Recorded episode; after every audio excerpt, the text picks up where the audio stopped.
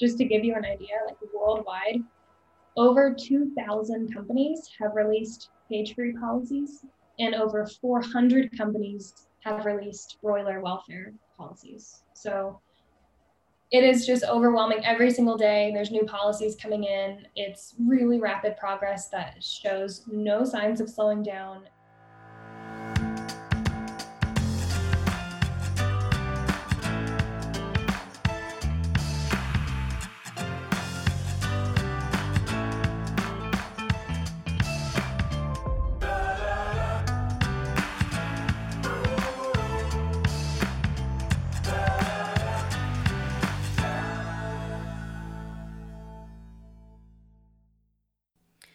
Today, dear listeners, we will switch from Swedish to English and welcome an international guest.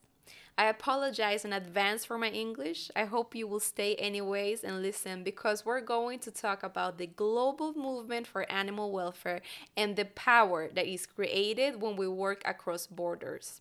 We will explain further why hens and chickens are such a big part of this movement and what we have managed to accomplish throughout the years.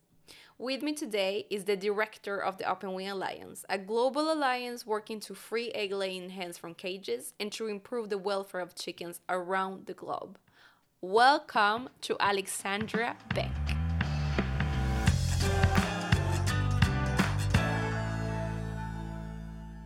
Hi, Alexandria.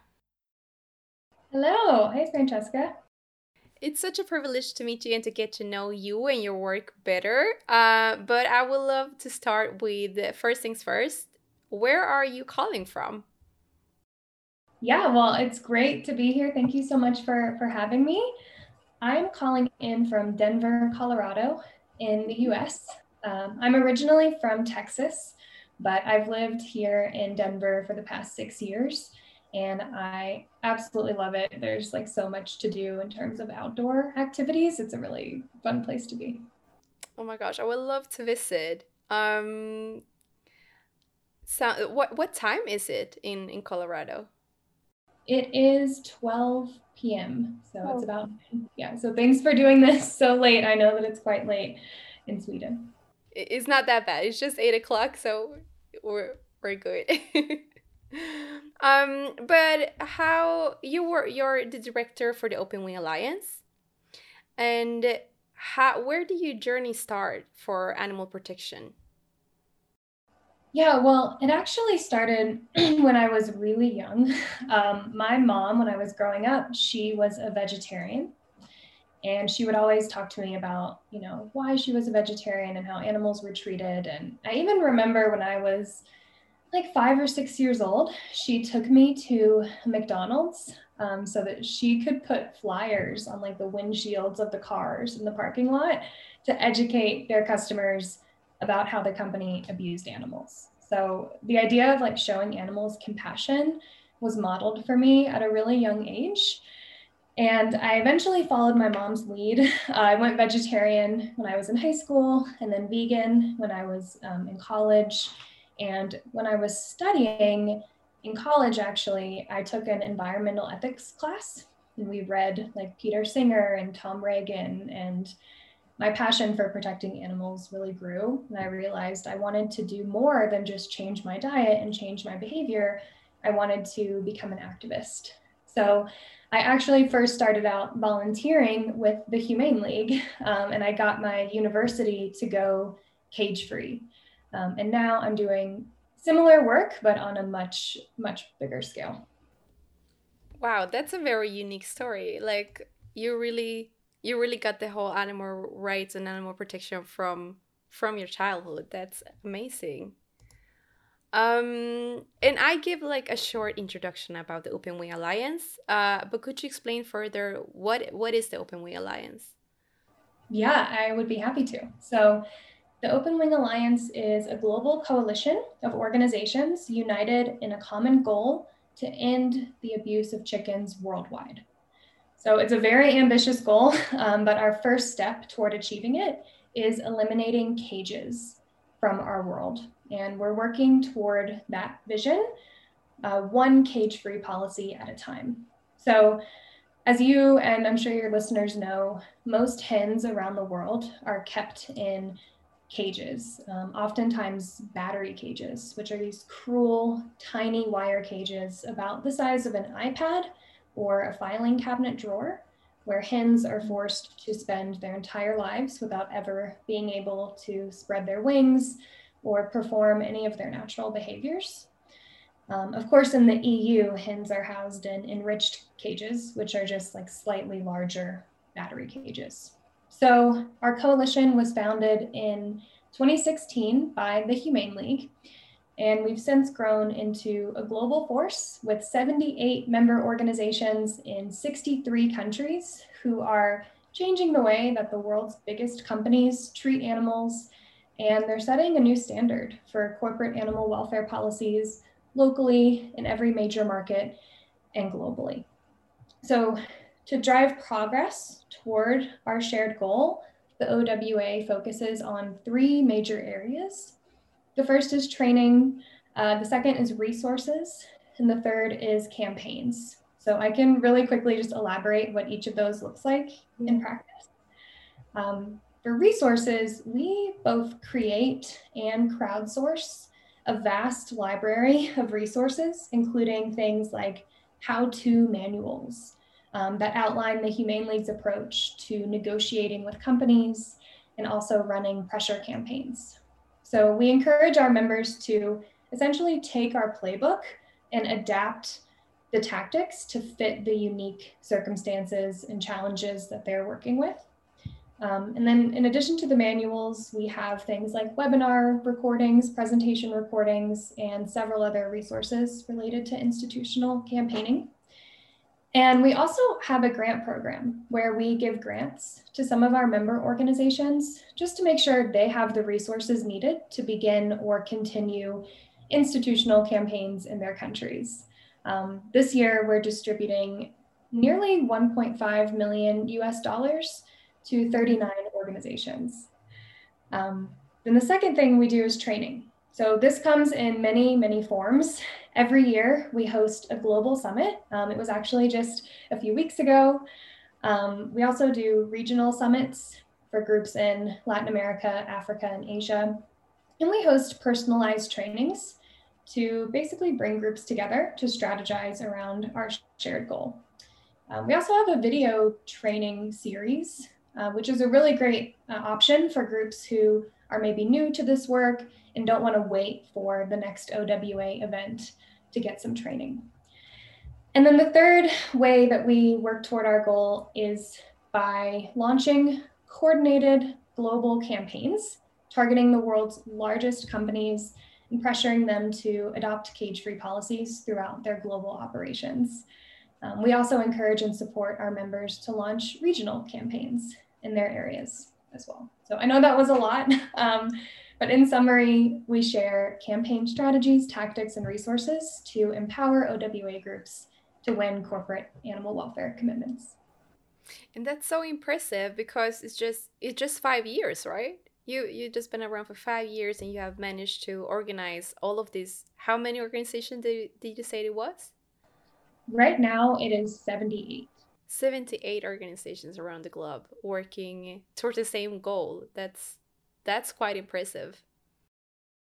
Yeah, it's mm. really inspiring um, to get to work with all these groups and and all the leaders around the world. And we learn a lot from each other. Mm, yeah, truly. And uh, why? How come that you chose to prioritize hens and chickens? How? Why? Why that animal group? Yeah, that, that's a great question. So, one reason that we chose to focus on helping hens and chickens is because of the incredible scale of the issue. So, right now, across the globe, there are billions of hens who are confined in cruel cages that don't allow them to express any natural behaviors. So, there are over 5 billion hens laying over 1 trillion eggs every single year and the vast majority of those hens are kept in cruel cages. And then, as you mentioned, in cases where the cage free campaign is essentially complete in certain countries, uh, meaning most major companies have adopted a cage free policy, the OWA has started to create resources and give grants to support campaigns that improve the lives of chickens raised for meat, um, otherwise known by the industry as broiler chickens. And these chickens account for nine in every 10 land animals raised for food worldwide. And unfortunately, they have little to no legal protections and they faced some of the worst abuses on factory farms. So, broiler chickens, as you know, um, are bred to grow so large so fast that they often suffer debilitating health issues and they're hardly able to even stand up um, under the weight of their own body. And their slaughter is extremely inhumane. Um, so, groups working on this issue really have the potential to reduce a tremendous amount of suffering.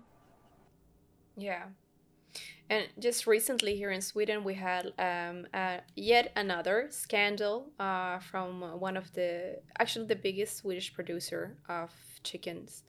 Um, it was, it, it came in a documentary or like um, a series. Um, only it was only a four minute clip, but it it showed how chickens were. Oh, I don't know how to say it, but when when they're dipped in hot water to lose the feathers and they were that and they were still conscious essentially um, boiled alive exactly exactly so that was just up in in the news last week and uh, yeah there is a lot to do for chickens and hens around the world um, but how does the corporate work actually function are the different programs how how does it work yeah so the OWA supports our member groups in making two main asks of corporations. Uh, usually depends on where they're located, the circumstances that they're working in, and their organizational priorities. But the majority of OWA groups are currently focused on cage free campaigns. So, urging companies to go 100% cage free by a specified deadline. And some groups, like we mentioned, have moved on to broiler welfare campaigning um, to improve the lives of chickens raised for meat. And those groups are urging companies to adopt either the ECC or the BCC. And the ECC stands for European Chicken Commitment. Uh, this is the ask used by groups in Europe. And the BCC stands for Better Chicken Commitment. This ask is used by groups in North America at the moment. Both our asks are very similar and they both aim to improve the lives of chickens raised for meat. And then finally, I think a third program that we work on is holding companies accountable to their commitments, right? So these commitments are not legally binding in any way. So we have to make sure that the companies follow through.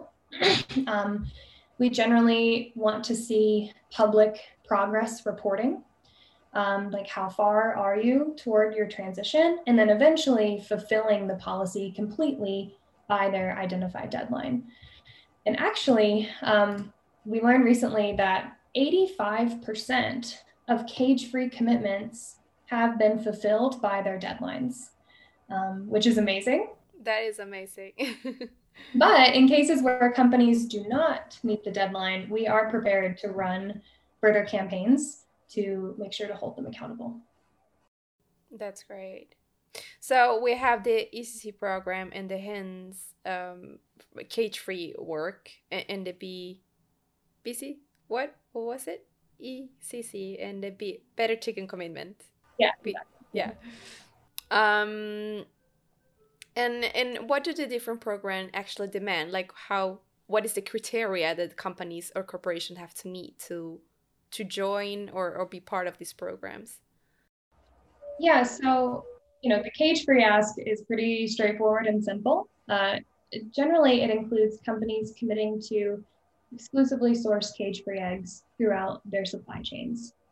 Um, these commitments usually include like shell or whole eggs, liquid eggs, and ingredient eggs as well. And cage free is defined just how it sounds no cages, um, this typically means transitioning from battery caged or enriched caged facility to a barn system. Um, if possible, groups in certain areas will also ask for outdoor access. As well. And we believe that a switch to cage free housing leads to significant and meaningful welfare improvements for hens. And then the ECC and the BCC asks are a bit more complex. Um, in short, they include things like reduced stocking density, right? So the barns are less crowded and gives the birds more space to move around. Um, it also includes environmental enrichments. So things like having sufficient litter, lighting, and things that allow birds to engage more in natural behaviors, like um, something high up that they could perch on. Um, these asks also include using a method called controlled atmosphere stunning, just to make sure that the birds are irreversibly stunned and rendered unconscious prior to slaughter. So, like what you were just talking about with birds being dipped in, in boiling water while not being unconscious, we want to avoid that entirely.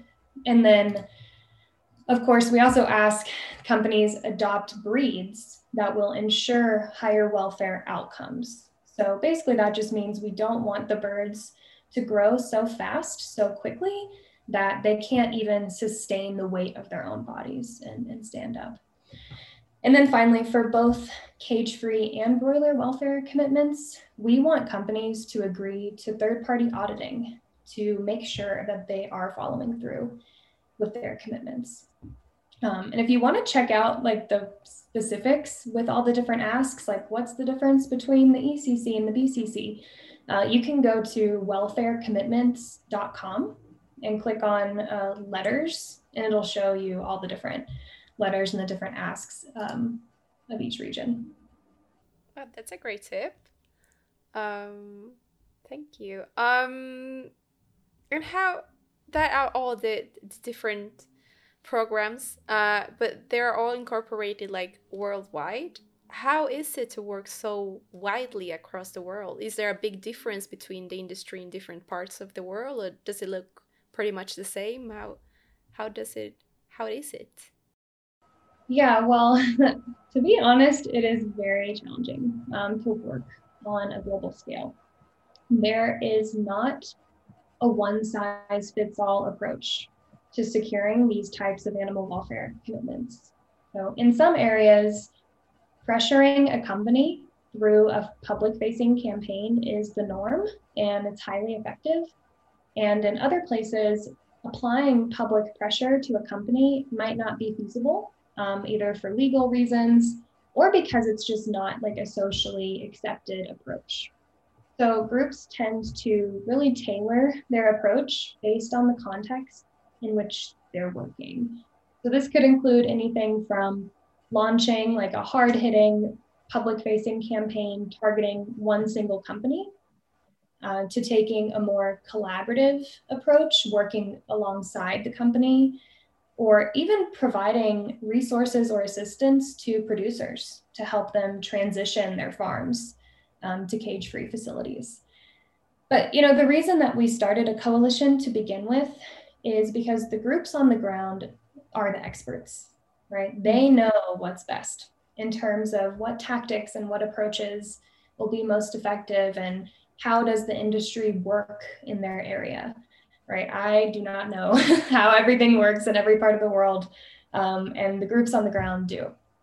So, you know, the groups we work with, they already have an organizational infrastructure, cultural knowledge, a volunteer base, and the expertise to develop a regional strategy.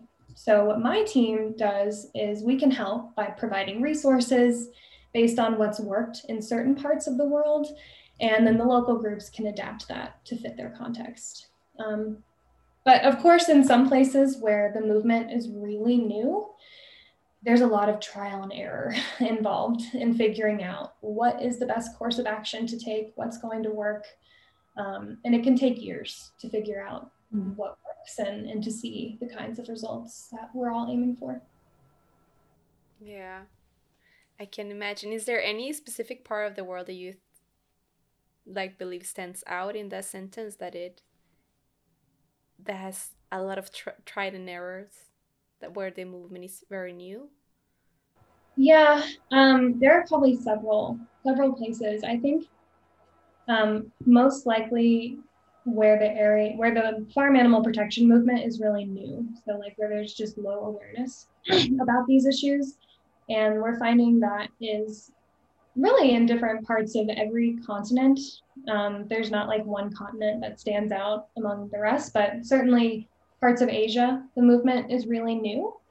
Um, we work a lot with groups in Southeast Asia, and we find that they're working to really build the foundation and like lay the groundwork to educate people about these issues. Um, same with a lot of different countries in Africa. Um, we have some wonderful groups who are really paving the way um, for this work for the first time. We actually had a group in Nigeria host the very first protest on behalf of chickens in Nigeria just a few weeks ago. Um, That's so impressive. That's so cool. Uh, it's so amazing to see the progress and to see how it's it's born.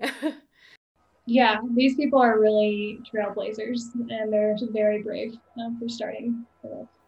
Sure, Louis. And we are still in in many parts of the world, at least, uh, in a pandemic. Um, how has that affected the work uh, that the Open Wing Alliance do? Yeah, um, I think just like every other industry, the pandemic has impacted the work of the OWA. Um, different groups have been impacted differently, obviously, depending on their location. Um, in most cases, it's prevented groups from meeting with companies in person to negotiate policies. Uh, usually, groups will go meet with the companies at their offices, at their headquarters, and these meetings instead have been hosted over video call or over the phone, making them a little less personable. Mm. Um, groups have also not really been able to facilitate actions for campaigns, like in person actions, like a protest or a demonstration. Um, that's been more limiting. And then certain industries were also hit harder by the pandemic, which forced us to reevaluate our corporate targets, like who is an appropriate industry to target with these types of requests. And we even paused our campaigns altogether for several months in 2020 when the pandemic first hit in the US. Mm.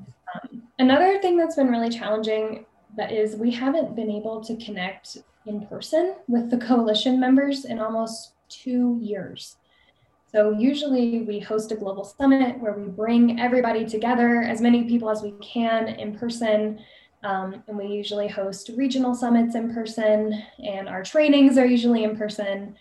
Um, those things really allow us to develop a deeper connection and a deeper bond with our groups. Um, but unfortunately, we've had to do all of that virtually for the past few years, and the virtual events are still great, but we're all looking forward to connecting in person again as soon as it's safe mm. to do so.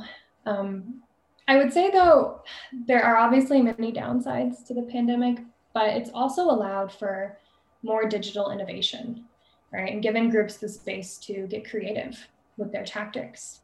So, like some groups have really focused on optimizing their online petitions, making sure we get the greatest number of signatures possible on that petition, um, I've seen groups do really creative virtual press releases. And groups are also relying more on like social media and traditional media to raise awareness about the plight of chickens on factory farms when the in-person actions just weren't possible. Yeah, they were just limited. And and we kind of touched this a little bit um in the past question, but what will you say like the biggest challenges that the organizations are facing in different parts of the world. I you mentioned that like certain parts of the world the movement is just starting. That's that's one um, I'm guessing one challenge. Uh, do you see any other challenges uh, that the different organizations are facing? Yeah, that's a really good question. Um, and I mentioned this before, but I think groups face different challenges depending on like several different factors, like the location where they're based, um, the state of the movement in their area, what's going on politically, economically, socially in their area. I think you could probably do like an entire podcast episode or multiple dedicated just to answering this question because there are so many different challenges. Um, Maybe we should do that. just bring in different guests from different parts of the world. Yeah. That would be really interesting. Um, I think I'm in favor of pursuing. Um, but I can give just a few examples um, for the sake of time. And one is, yeah, just what we already talked about it, the awareness level of farm animal issues. Whenever people's awareness of these issues is low and they just don't know how hens are treated or how they're raised, it can make it really difficult to get companies to care about the issue or to mobilize volunteers to take action if they don't know why they need to be taking action. Um, it can also be challenging to engage in this work in areas where governments and environments, just in general, are not conducive to social change. And in areas where that's the case, it's usually accompanied with like very little existing momentum in the area, meaning there aren't very many companies with similar animal welfare policies, and consumers are just less sympathetic to this cause. So it can be, yeah, very challenging to get a company to agree to be the first. like mm-hmm. companies don't want to be the first. As soon as there's one, it's so much easier to get the rest. Um, so, one way that we work to drive progress in these areas is uh, using the global commitments to trigger local movement.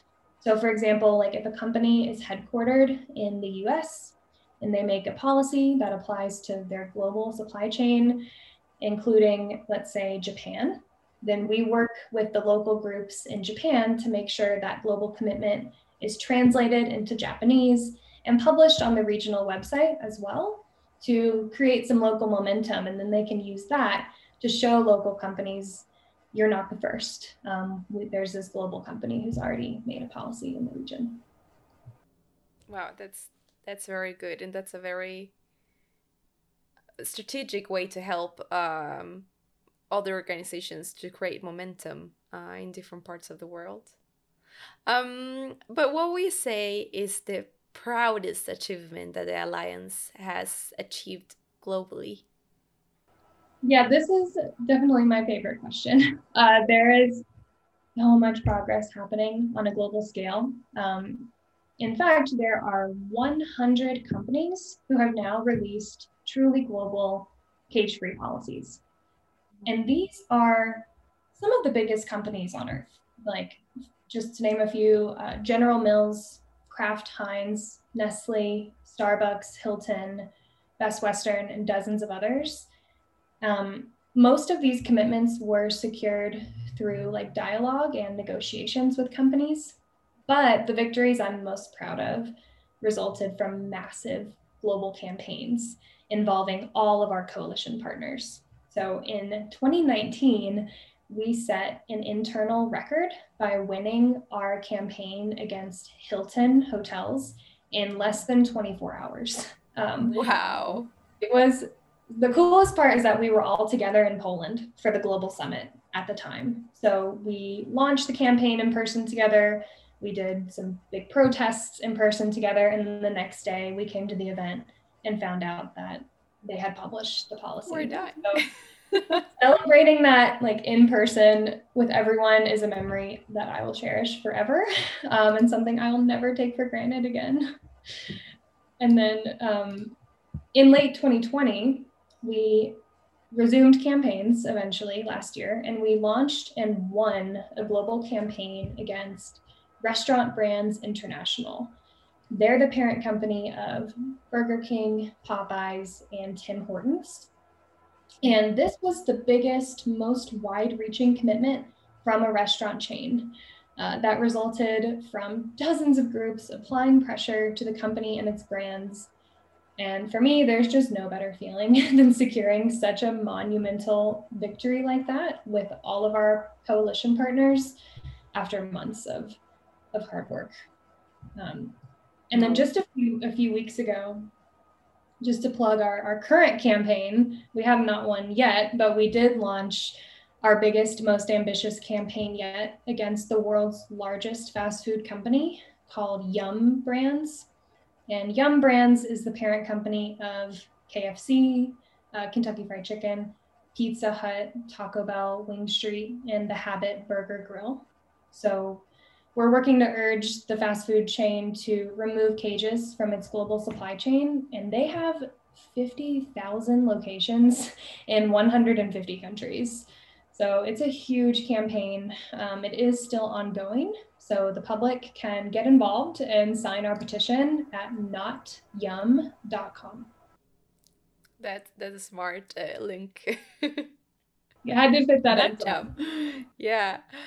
Uh, that's amazing. That's that's quite some achievements, really. Like uh, for Alliance that's been around for five years, that's quite some achievements, really. One of the largest companies, um, making such a great change for the animals as well, having such a great impact uh, for the hens and chickens. I think that no one had a, a clue five years ago, like how this would go. Um, and we really didn't expect the progress to be this rapid um, or this wide reaching. I mean, we're still, we still have a very long way to go, um, definitely. But I'm, I'm pretty impressed with with all the groups who are working on this and everything they've been able to achieve in a relatively short amount of time. Yeah, really, like relative short amount of time. And I mean, when it come it comes down to you know also giving like the consumers the right information so that they can make like good choices choices they stand for and and that companies are held accountable for for what they're selling and making profit of. Yeah exactly. But are there any local advancements that you're particularly proud of? Like are there any regions that you're looking at that you're like wow that's that's something there Yes. I, I understand that this is a hard question. It's hard to choose. it is. It is. Yeah. I think there are just way too many to name. Um, just to give you an idea, like worldwide, over 2,000 companies have released cage free policies, and over 400 companies have released broiler welfare policies. So it is just overwhelming every single day. There's new policies coming in. It's really rapid progress that shows no signs of slowing down. And it is really hard, to your point, to pick specific local commitments because they're all so impressive um, and they're all so important to the overall progress of our movement. But if I had to highlight just a few from the last year, I would definitely mention uh, the GPA commitment in Latin America. So six organizations waged a four year long campaign. Wow. Which just blows my mind. Four year campaign against one of the largest retailers in the region. And they won last year. So that was huge. Um, they're truly relentless, these groups. And, and that one victory is estimated to impact around 5.7 million hens. So that, that was a big one for, for the groups in Brazil. and then we also saw a lot of major retailers commit to go cage free in Eastern Europe. Um, I cannot pronounce the names of most of these retailers, but usually once they're on board, retailers that is, we see other in- industries and other companies just fall like dominoes. Um, so that was really exciting to see. Uh, speaking of retailers, we also saw several commit to the ECC or the BCC, including Aldi and Lidl and several others. Um, and we even saw KFC commit to the European chicken commitment in several countries, um, which they're like the ultimate chicken restaurant, right? So the fact that they mm-hmm. are committing to the ECC in so many countries in Europe is just mind blowing to me. It's extremely exciting. Um, let's see what else. In Africa, groups are work to secure some really important corporate meetings with like key players in the country or the continent rather. And they're also presenting to Kenyan egg suppliers about the global cage free trend. So the movement is really starting to build throughout Africa. Um, in Asia, we saw the largest egg producer in the continent pilot a cage free farm. And they're rapidly expanding cage free production, which everyone knows you can't have, you know, cage free movement without producers switching their facilities. So that is a, wonderful sign. Um, and then finally, we saw uh, several groups launch public trackers to hold companies accountable in their countries or in their regions. And we saw that 90% of companies are either reporting or have fulfilled their commitments, um, which is uh, just blows my mind. I'm really speechless about it. Uh, I'm, I, I think that's great precedent to set for other companies who are releasing these commitments, you know, learning that they need to take them seriously and others in the industry are taking them seriously as well. So exactly. those are just like a handful of the victories that are happening every day around the world. It's so inspiring to hear that. I, I think um, for the people out there who is who is feeling inspired from from this talk that we're having, what would you like to say to them if they'd like to engage for the animals? What would you recommend? Yeah, so I think there are many things you can do um, to make a difference for animals. One would be volunteering for an OWA organization in your area. Um, so here in Sweden, volunteer with Djurens Rätt. Um, but if you don't have time to volunteer or there's not a group um, nearby in your area, you can join our OWA Action app. Um, so to sign up, you can visit action.openwingalliance.org. And once you create an account, you'll be able to actually participate in our campaigns and directly influence the policies of the world's biggest companies. Uh, you can do things like sign petitions or post on our target companies' social media pages. And it's really quick and really easy, and it's a great way to make a, a meaningful difference for animals. Wow, thank you. Thank you so much, Alexandra, for joining the pod. Um, to sum it up, I would say, well, the Open Wing Alliance is such a successful alliance. You've been around for five years. I've managed to coordinate so many organizations around the globe and to work so fast forward with different type of programs and policies to uh, better the life of chickens and, and release the hens from all these battery cages. Um, and uh, if you feel inspired, do engage um, for the animals in in your local local area. Uh, is there anything else you would like to add before we we hang up? Just thank you so much for having me, Francesca. This was so fun. I love talking about the OWA um, and everything going on. It's one of the best things I get to do. Is kind of brag about the groups um, who I work with, who are who are really the trailblazers in their area. So thanks for, for the opportunity.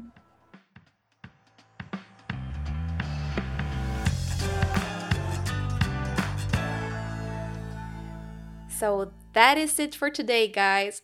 Thank you so much for listening. And as Alexandra mentioned, make sure to engage here in Sweden by joining Djurens Rätt or by visiting action.openwingalliance.org. See you again soon. Bye!